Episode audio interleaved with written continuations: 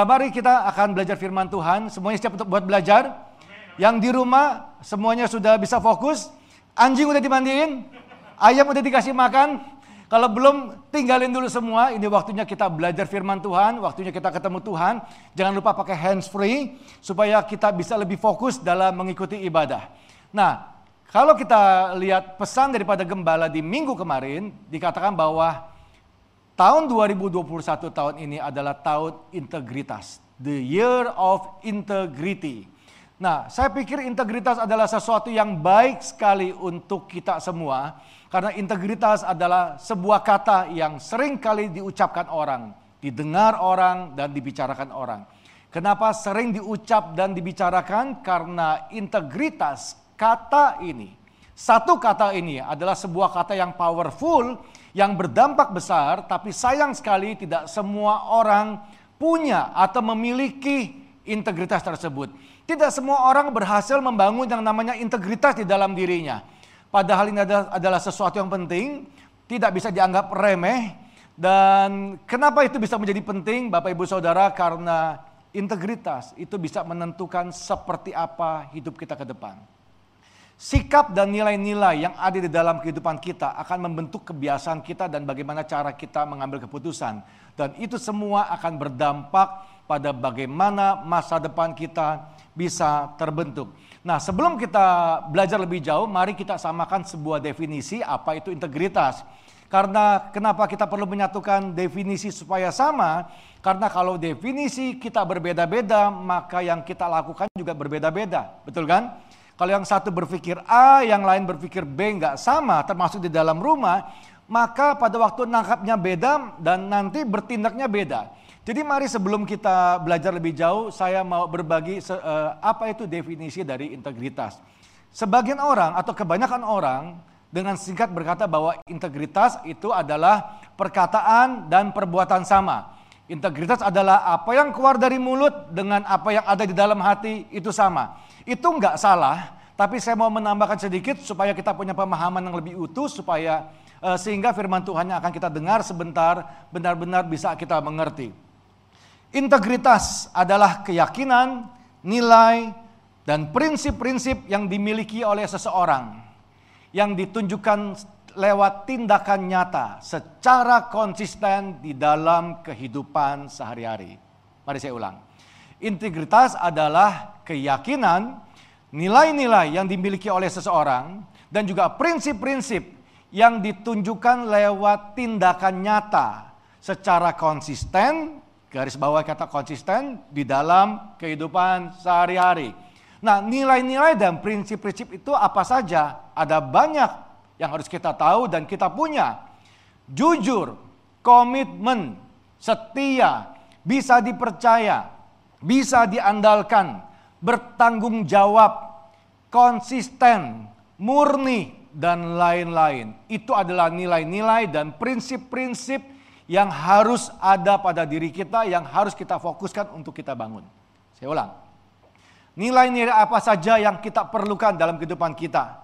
Jujur, setia, berkomitmen, murni, apa adanya, bertanggung jawab, bisa diandalkan, bisa dipercaya, konsisten, dan lain-lain. Itu adalah semua nilai dan prinsip yang harus ada dalam kehidupan kita, karena itu semua akan menentukan bagaimana masa depan kita terbentuk.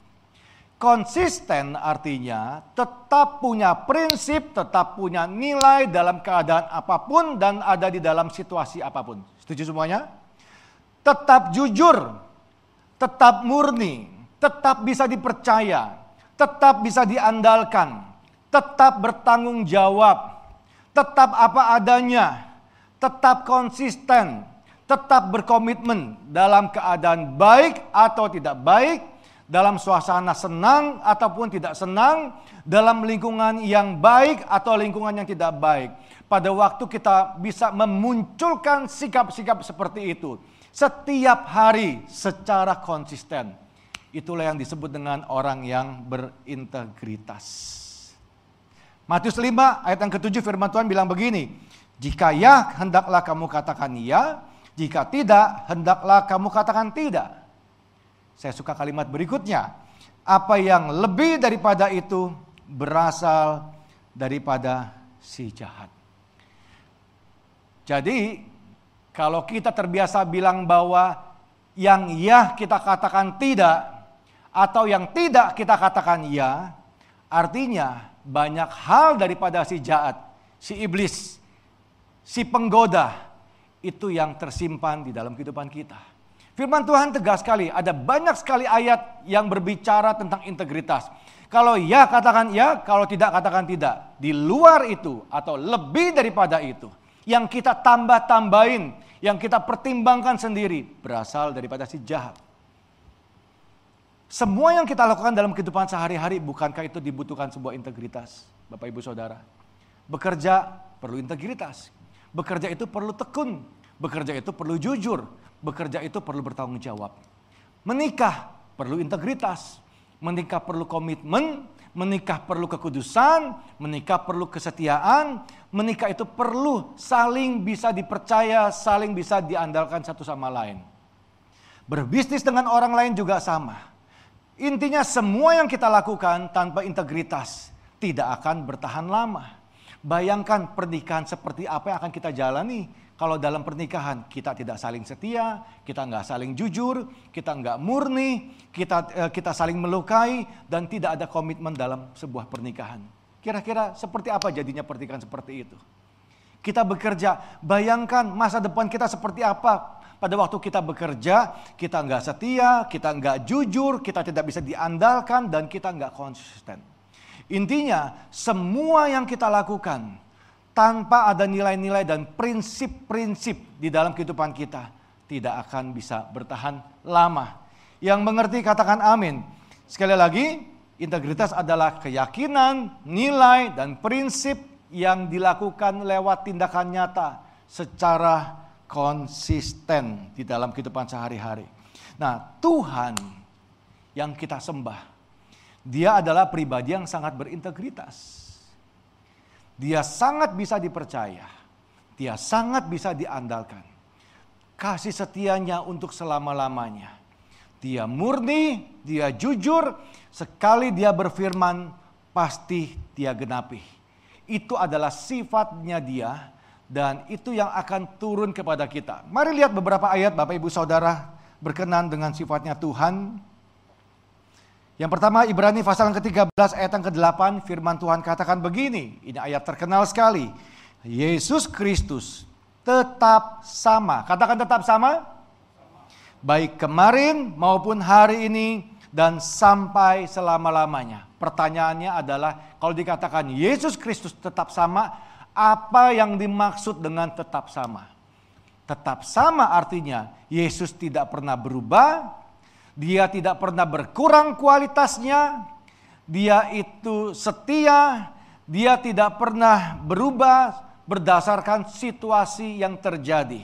Itu artinya tetap sama, tidak berubah, tidak berkurang, tidak berkurang kualitasnya. Dia adalah Tuhan, dia sama dahulu, sekarang, sampai selama-lamanya. Amin. Nah ayat berikutnya di dalam Yesaya 55 ayat yang ke-11 Firman Tuhan katakan, demikianlah firmanku yang keluar dari mulutku.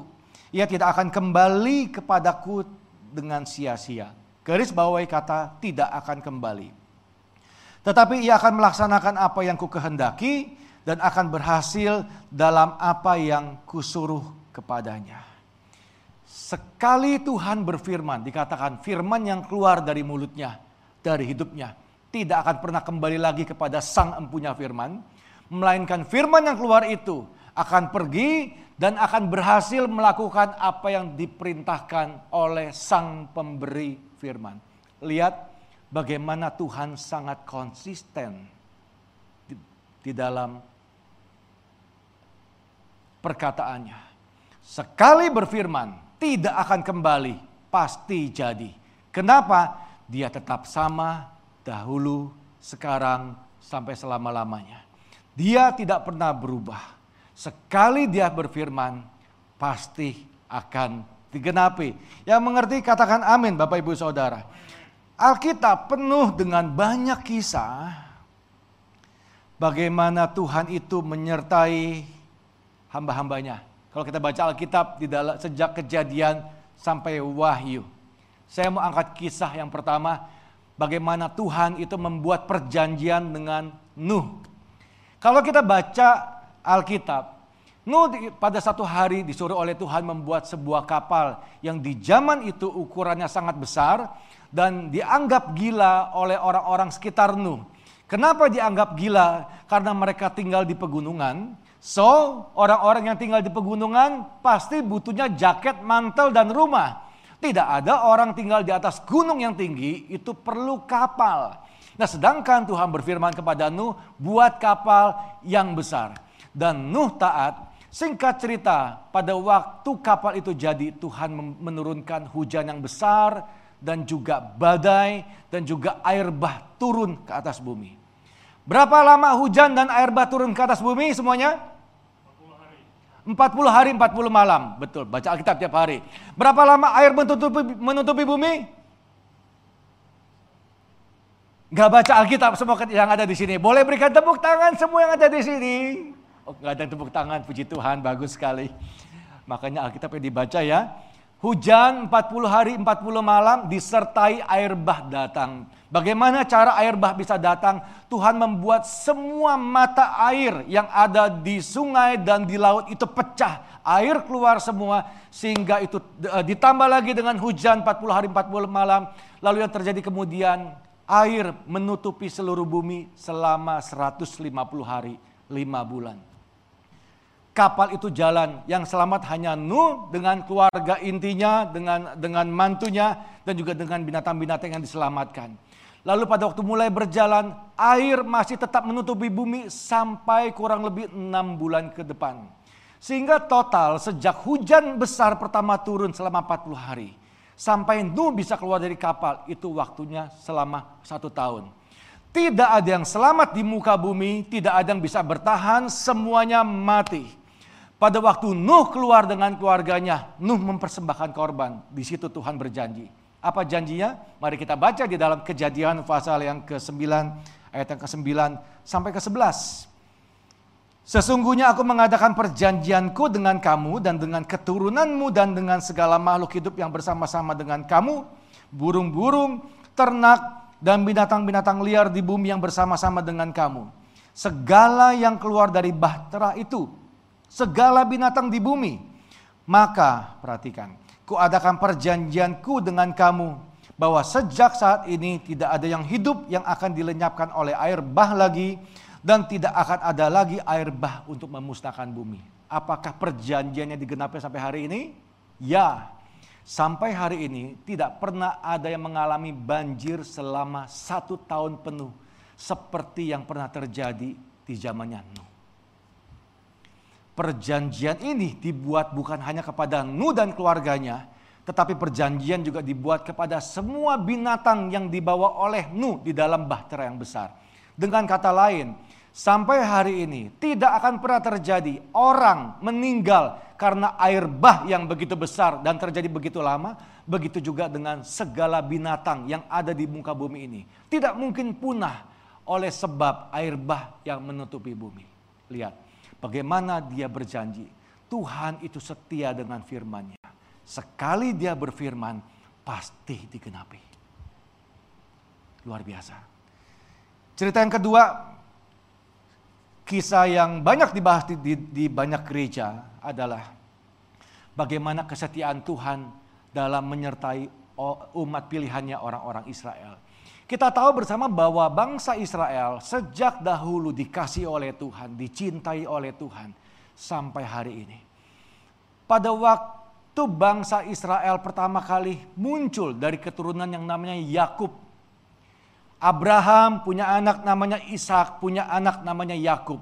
Satu ketika Yakub bergulut uh, bergelut dengan dengan malaikat dan sejak itu pada waktu dia memenangkan pertempuran itu namanya diganti atau dia diberikan nama menjadi Israel.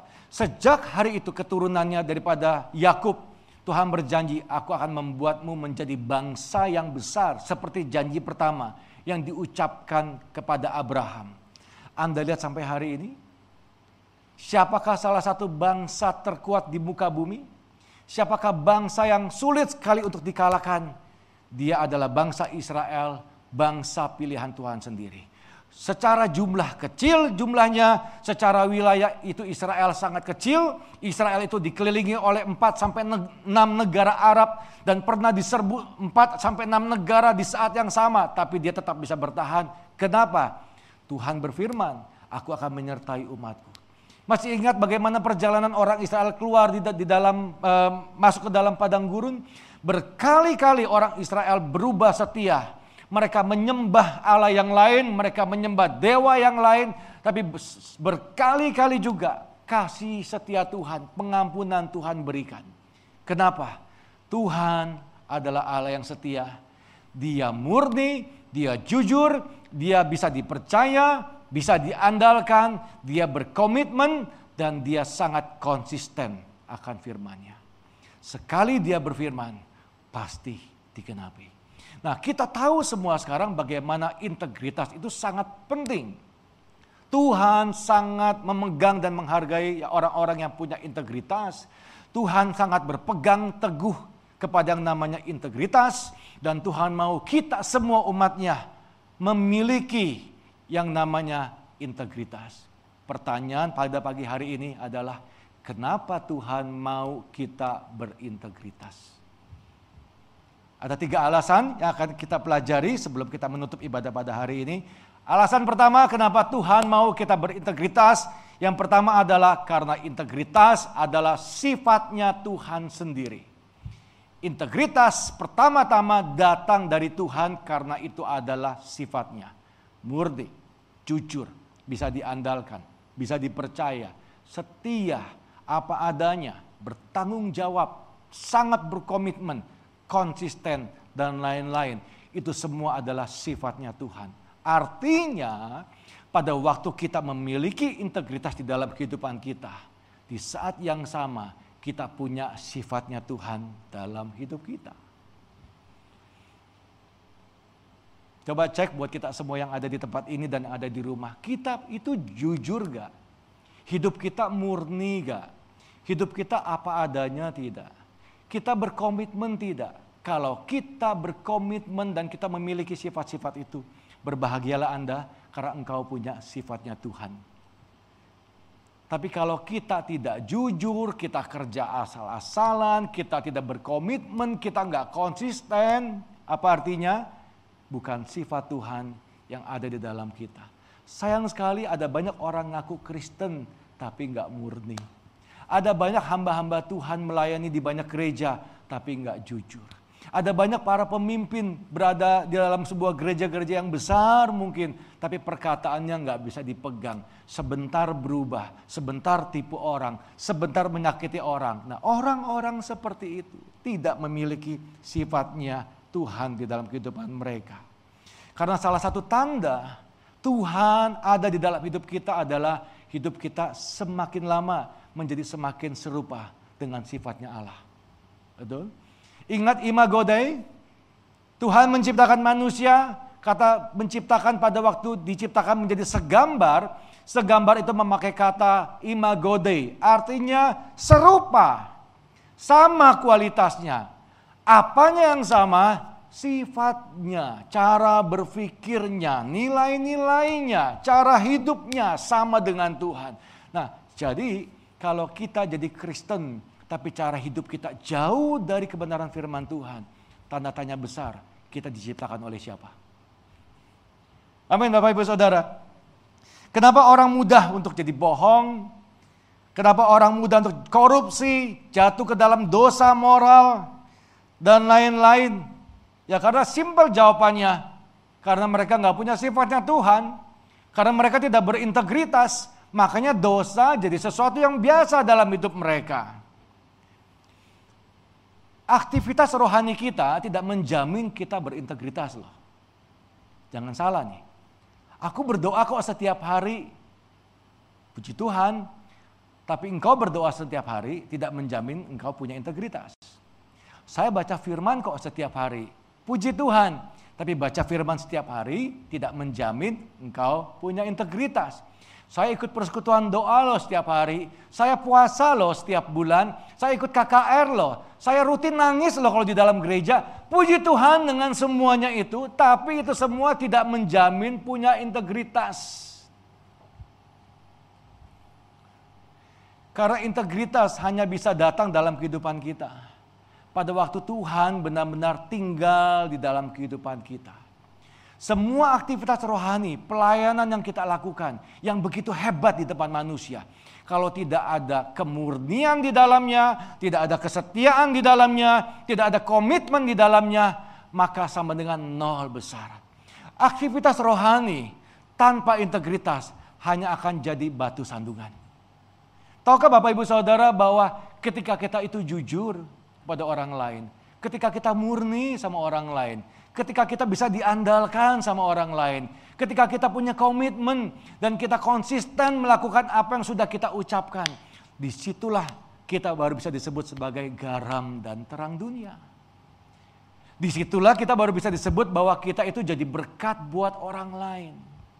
Tapi kalau kita sembarangan, kalau kita kotor, kalau tindakan kita kasar, kalau mulut kita itu tidak seperti yang Seharusnya Tuhan inginkan bagaimana mungkin bisa jadi berkat, jadi garam, jadi terang dunia.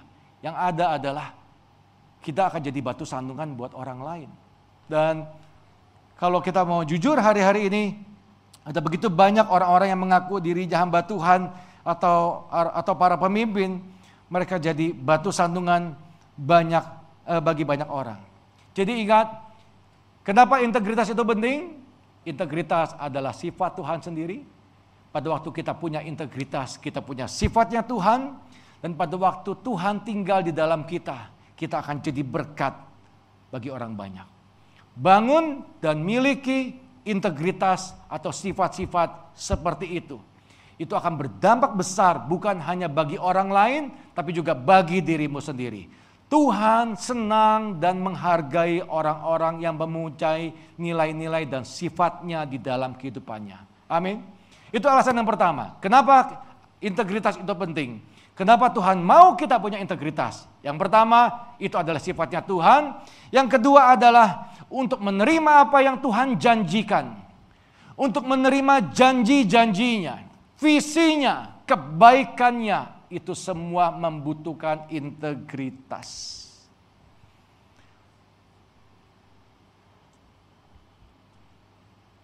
Butuh komitmen yang tinggi, butuh kesabaran, butuh kesetiaan untuk menerima apa yang Tuhan janjikan hadir dalam hidup kita. Alkitab memberikan contoh yang begitu banyak bagaimana orang-orang itu menunjukkan integritas, hamba-hambanya baru sesuatu yang baik datang dalam hidup mereka. Abraham dijanjikan punya anak di usia yang sangat lanjut. Berapa waktu yang dibutuhkan sejak Tuhan berjanji pertama kali, Abraham kau akan punya anak dan kau akan menjadi bangsa yang besar. Sejak pertama kali janji diucapkan oleh Tuhan, perlu waktu 25 tahun sebelum Ishak lahir di tengah-tengah Abraham. Yusuf sejak pertama kali dia mendapatkan mimpi bagaimana matahari bulan itu memberikan hormat kepadanya dan bagaimana pada satu ketika nanti semua saudaranya bertekuk lutut di hadapannya. Sejak mimpi pertama Yusuf dapat perlu waktu 13 eh, tahun. Betul 13 tahun? Atau 12 tahun? 13 tahun sampai semuanya jadi. Yusuf diangkat jadi orang nomor dua paling berkuasa di Mesir. Masih ingat bagaimana seorang perempuan pendarahan yang sudah kehabisan semangat karena tidak mendapatkan kesembuhan. Satu ketika Yesus datang dan dia sentuh jubahnya Yesus. Pada waktu dia sentuh, kesembuhan terjadi. Berapa waktu diperlukan oleh perempuan yang mengalami pendarahan tersebut? 12 tahun. Anda lihat, selalu ada rentang waktu antara mimpi daripada kita, keinginan kita kepada apa yang Tuhan sediakan, kepada mujizat, kepada apa yang Tuhan janjikan selalu ada jarak waktu yang harus kita lewati. Dan dalam masa-masa perjalanan sejak kita menerima sampai kita mendapat apa yang Tuhan janjikan. Itu butuh komitmen, kesetiaan, ketekunan, dan konsistensi. Alasan kedua kenapa integritas itu penting dan Tuhan mau kita memilikinya. untuk menerima semua yang Tuhan mau berikan. Apalagi sesuatu yang besar. Perlu yang namanya nilai-nilai dan prinsip kerajaan Allah. Pertanyaannya gini sekarang. Kenapa Tuhan tidak membuat mudah pada waktu melepaskan janjinya? Pernah gak kepikir seperti itu? Kalau Tuhan berjanji pasti dia genapi. Amin. Tapi kenapa untuk sampai digenapi selalu ada harga bayarnya? Kenapa sebelum itu sampai ke dalam tangan kita perlu ada rentang waktu yang cukup panjang? Kenapa? Kenapa tidak diberikan begitu saja? Anda mau tahu jawabannya? Kenapa selalu ada harga bayar yang harus kita berikan sebelum janjinya dan hal-hal besar yang Tuhan berikan itu datang dalam hidup kita? Jawabannya adalah karena pada waktu Tuhan berjanji, dia sedang mempertaruhkan namanya sendiri. Pada waktu dia berjanji, dia mempertaruhkan nama baiknya. Karena sekali dia berfirman, dia harus tepati itu. Sekali dia berfirman, dia harus genapi. Itu sebabnya sebelum firman dan janjinya datang kepada hidup seseorang, dia harus pastikan yang akan menerima janji dan kepercayaannya itu punya nilai-nilai dan prinsipnya. Karena kalau tidak, pada waktu berkatnya turun dalam hidup kita, pada waktu kepercayaannya hadir dalam hidup kita, pada waktu anugerahnya hadir dalam hidup kita. Kalau karakter kita tidak siap, kalau karakter kita tidak terbentuk, yang ada adalah bukan kita akan jadi berkat buat orang lain, tetapi yang datang dari Tuhan dengan mudah akan menghancurkan diri kita sendiri. Saya punya sebuah cerita yang menjadi pengalaman saya dan saya rasa nggak akan pernah bisa saya lupakan. Satu, satu ketika seseorang datang kepada saya meminta pertolongan karena dia mengalami kesulitan keuangan yang cukup kronis, cukup parah. Jadi kami bertemu, kami cerita, Uh, saya berikan waktu kurang lebih mungkin setengah sampai satu jam dan dia cerita semuanya dan dari apa yang saya dengar saya sampai pada sebuah kesimpulan bahwa ini masalah keuangan orang ini bukannya jelek tapi kronis berbahaya. Ada banyak hal yang dia nggak bisa lakukan, ada banyak tanggung jawab yang sudah dia lepaskan, ada banyak tagihan-tagihan yang nggak bisa dia bayar. Jadi apa yang kami buat selanjutnya eh, saya dan uh, tim memutuskan oke okay, kita bantu dia. Selain kita berikan bantuan secara tunai, mari kita carikan kira-kira ada kerjaan yang lain nggak yang bisa kita berikan. Nah singkat cerita, satu ketika ada salah seorang teman yang perlu bantuan, uh, ses, dia, teman saya perlu sesuatu yang berhubungan dengan orang ini yang sedang perlu ditolong. Jadi setelah saya timbang-timbang, saya timbang-timbang, saya timbang-timbang, saya saya nggak mau sembarangan untuk memperkenalkan dia dengan teman saya ini karena bukan apa-apa, bukan saya mau pelit atau mau pilih-pilih orang. Sekali lagi, pada waktu saya memperkenalkan orang, saya mempertaruh, saya mempertaruhkan nama saya loh, betul kan? Orang akan bisa berkata, ini pester yang jamin, top. Kalau pester yang rekomendasiin, masa sih sembarangan? Gak mungkin.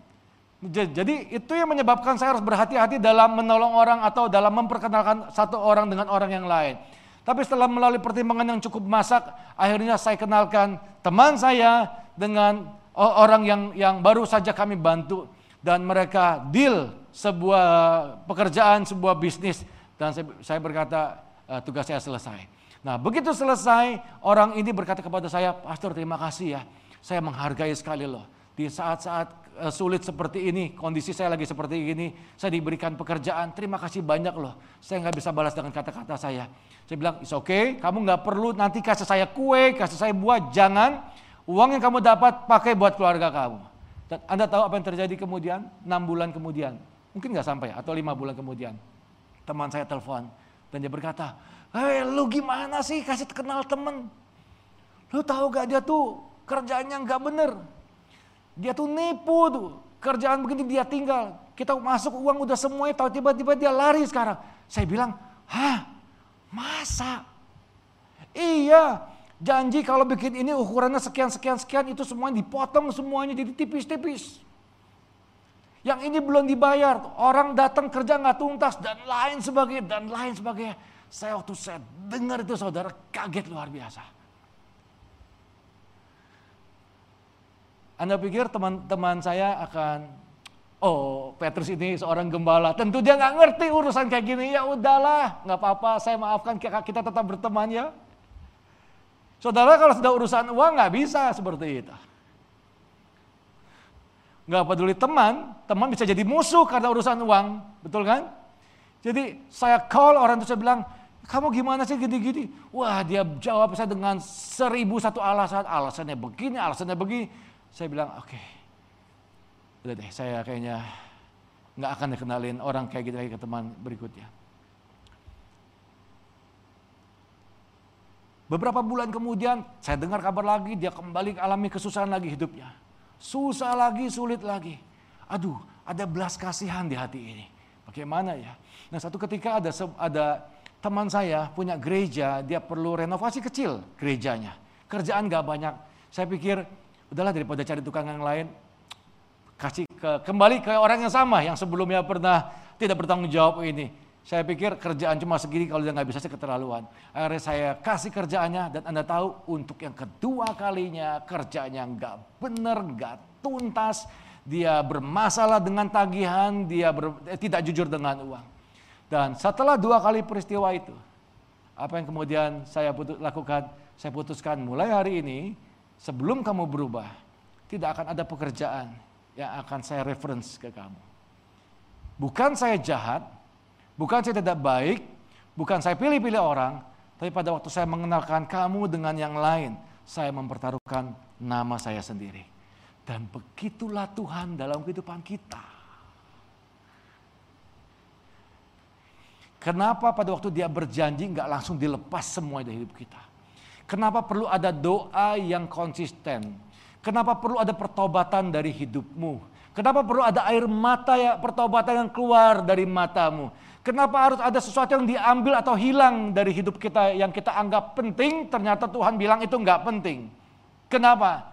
Karena pada waktu Tuhan berjanji, dia mempertaruhkan nyawanya. Dia mempertaruhkan namanya, maaf. Sekali dia berfirman, pasti dia genapi itu pribadi Tuhan yang luar biasa. Anda bayangkan apa yang terjadi kalau sifat Tuhan seperti itu ada di dalam kehidupan kita.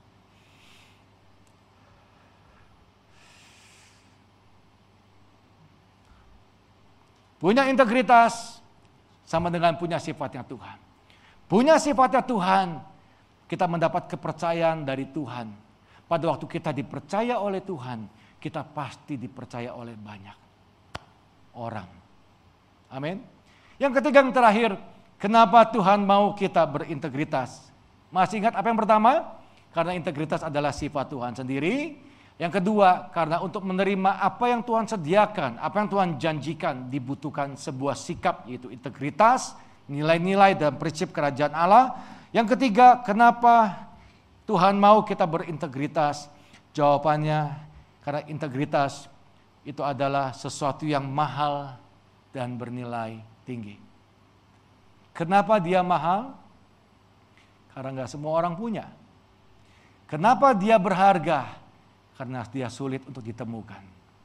Kenapa dia istimewa? Karena banyak orang mencoba membangun integritas di dalam hidup mereka tapi banyak sekali orang yang mengalami kegagalan. Tapi yang paling penting, kenapa integritas itu mahal dan bernilai tinggi? Karena itu adalah sifatnya Tuhan. Bapak Ibu Saudara, pada waktu sesuatu yang bernilai atau integritas itu ada di dalam hidup kita. Bukankah otomatis hidup kita juga akan menjadi lebih berharga dari sebelumnya? Benar gak? Pada waktu sesuatu yang berharga, yang mahal, yang bernilai, itu tersimpan di dalam hidup kita, bukankah otomatis hidup kita juga akan bernilai lebih daripada sebelumnya? Dan pada waktu hidup kita bernilai, pada waktu hidup kita berkualitas, pada waktu hidup kita menjadi mahal, maka orang akan menghargai kita. Pada waktu hidup kita bernilai, orang menghargai kita, otomatis kita akan mendapat penghargaan, penghormatan, dan kepercayaan daripada Tuhan dan dari orang lain. Kenapa kita sering diremehkan? Kenapa kita sering dilupakan? Kenapa kita sering direndahkan oleh orang lain? Dari banyak faktor dan banyak alasan. Salah satunya adalah karena mungkin kita tidak punya nilai-nilai dan prinsip Tuhan di dalam kehidupan kita.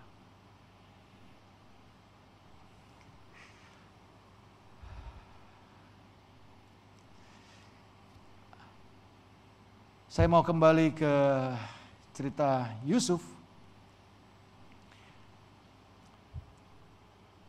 13 tahun Yusuf mimpi dapat visi dari Tuhan sampai dia jadi orang nomor dua berkuasa di Mesir setelah raja. Saudara, ada begitu banyak gereja pada waktu mengkhotbahkan tentang Yusuf, tentang Daud, tentang Esther, itu singkat saja sehingga seolah-olah cerita itu adalah cerita yang mudah, sesuatu yang happy ending dan semua orang mau mengalami hidup seperti Yusuf. Tapi tahu gak sih saudara? Berkali-kali kesetiaan dan integritas Yusuf diuji sebelum dia sampai di posisi yang begitu tinggi. Saya bayangkan ya, kalau misalnya saya punya saudara sekian belas orang, saya anak kecil, anak paling kecil, dan saya tahu papa paling sayang sama saya. Saya tahu betul papa mama lebih sayang saya daripada kakak-kakak saya. Saya tahu perhatian mereka kepada saya lebih besar dibanding saudara-saudara saya yang lain. Saya tahu jubah terbaik, baju terbaik itu akan datang kepada saya sebelum datang kepada kakak-kakak saya. Satu ketika saya bermimpi, saya tidur dan Tuhan berbicara, Petrus, kamu akan kumasyurkan di antara saudara-saudaramu. Satu ketika nanti semua kakak-kakakmu, termasuk orang tuamu, akan datang sujud menyembah kepadamu. Terus saya bangun. Bangun tidur. Waduh, saya masih anak paling kecil. Terus saya suka kepo lagi. Mulut saya ember. Saya cerita ke mana-mana. Eh, lo tau gak? Ketemu temen. Semalam Tuhan ngomong sama gua. Satu ketika abang-abang gua nyembah gua. Termasuk bapak gua. Udah terus tinggal. Ketemu orang lain, cerita lagi. Lu tahu gak? Tuhan ngomong, satu ketika teman-teman, saudara-saudara akan datang menyud, uh, akan datang sujud menyembah di depan gua. Itu Tuhan yang ngomong loh. Dan yang namanya gosip, cerita ke sini, ini cerita kepada orang lain, cerita, cerita, cerita, cerita. Saya percaya di, di masa itu, Cerita itu karena banyak orang dengar dan banyak orang eh, membicarakannya, sehingga banyak orang yang yang tahu dan itu sampai kepada telinga kakak-kakaknya. Nah, satu ketika kak, kakak saya yang paling tua ketemu saya. Lu ngomong apa sama orang lain? Kita semua sujud di depan kaki lu. Mimpi kali gitu, kurang lebih begitu ya. Nah yang terjadi kemudian adalah karena kakak-kakaknya marah, satu ketika kita lagi main-main di, di, uh, di luar, saya itu diambil, diculik dan dibuang ke dalam sumur oleh saudara-saudara saya. Anda bayangkan kira-kira perasaan pertama yang muncul pada waktu saya ditinggal, lubang ditutup oleh dedaunan, saya di dalam gua sendirian, tidak ada yang tahu. Saya teriak e, minta tolong kepada orang banyak, nggak ada gunanya karena itu bukan tempat yang banyak orang. Kira-kira apa yang terjadi? Saya akan ingat, Tuhan katanya engkau akan mengangkat aku menjadi orang termasyur dan saudara-saudaraku termasuk orang tuaku akan sujud menyembah kepadaku.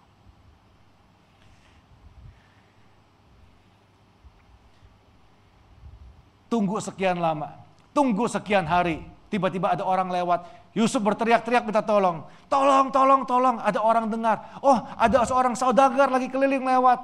Dia diselamatkan. Senang rasanya. Saya rasa mungkin dia berkata bahwa Tuhan, engkau menyelamatkan hidupku. Puji Tuhan.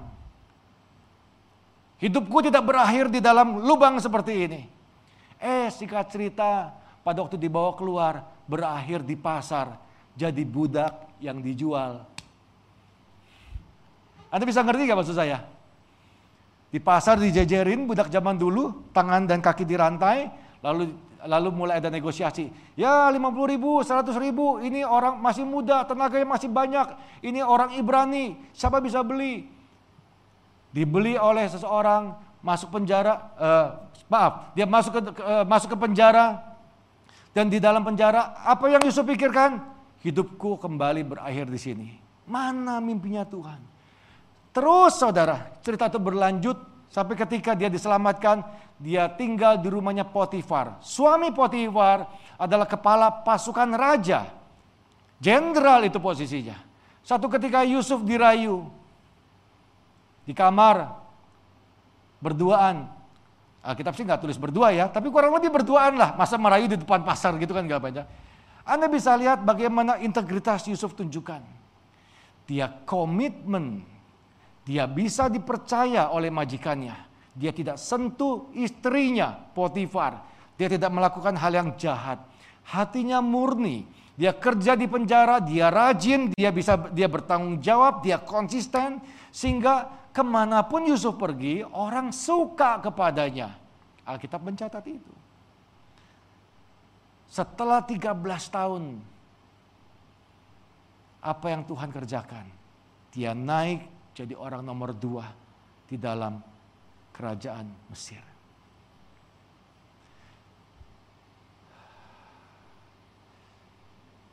Banyak kisah yang seperti itu. Daud seperti itu, Esther seperti itu, Musa seperti itu. Bapak Ibu tahu gak sih bahwa uang dan posisi yang kita kejar-kejar selama ini tidak membuat hidup kita itu berharga? Setuju gak? Tidak membuat hidup kita itu terasa penuh. Uang tidak membuat kita itu dikasih oleh Tuhan. Uang tidak menjamin, uang dan posisi tidak menjamin kita mendapat kepercayaan dari orang-orang sekitar. Karena pada kenyataannya uang yang kita punya, yang kita kejar, yang kita pertahankan, itu membuat hidup kita nggak jadi jadi nggak tenang. Uang tidak pernah bisa memuaskan kita. Uang itu selalu meng, mem, uh, sering kali menghancurkan atau mendatangkan hal-hal yang yang bisa menjebak kita. Tahun 2021, di tengah-tengah banyak kesulitan yang baru kita lewati kemarin akibat pandemi, ada banyak integritas hilang di tengah-tengah kita. Orang halalkan segala cara untuk dapatkan uang. Orang coba segala cara, nggak berdoa lagi, mereka nggak tanya Tuhan lagi untuk coba ini, coba itu, coba ini. Dan begitu coba gagal, coba gagal, akibatnya orang mulai tawar hati dan lain sebagainya. Yang Tuhan mau tahun ini sebelum kita menutup firman Tuhan.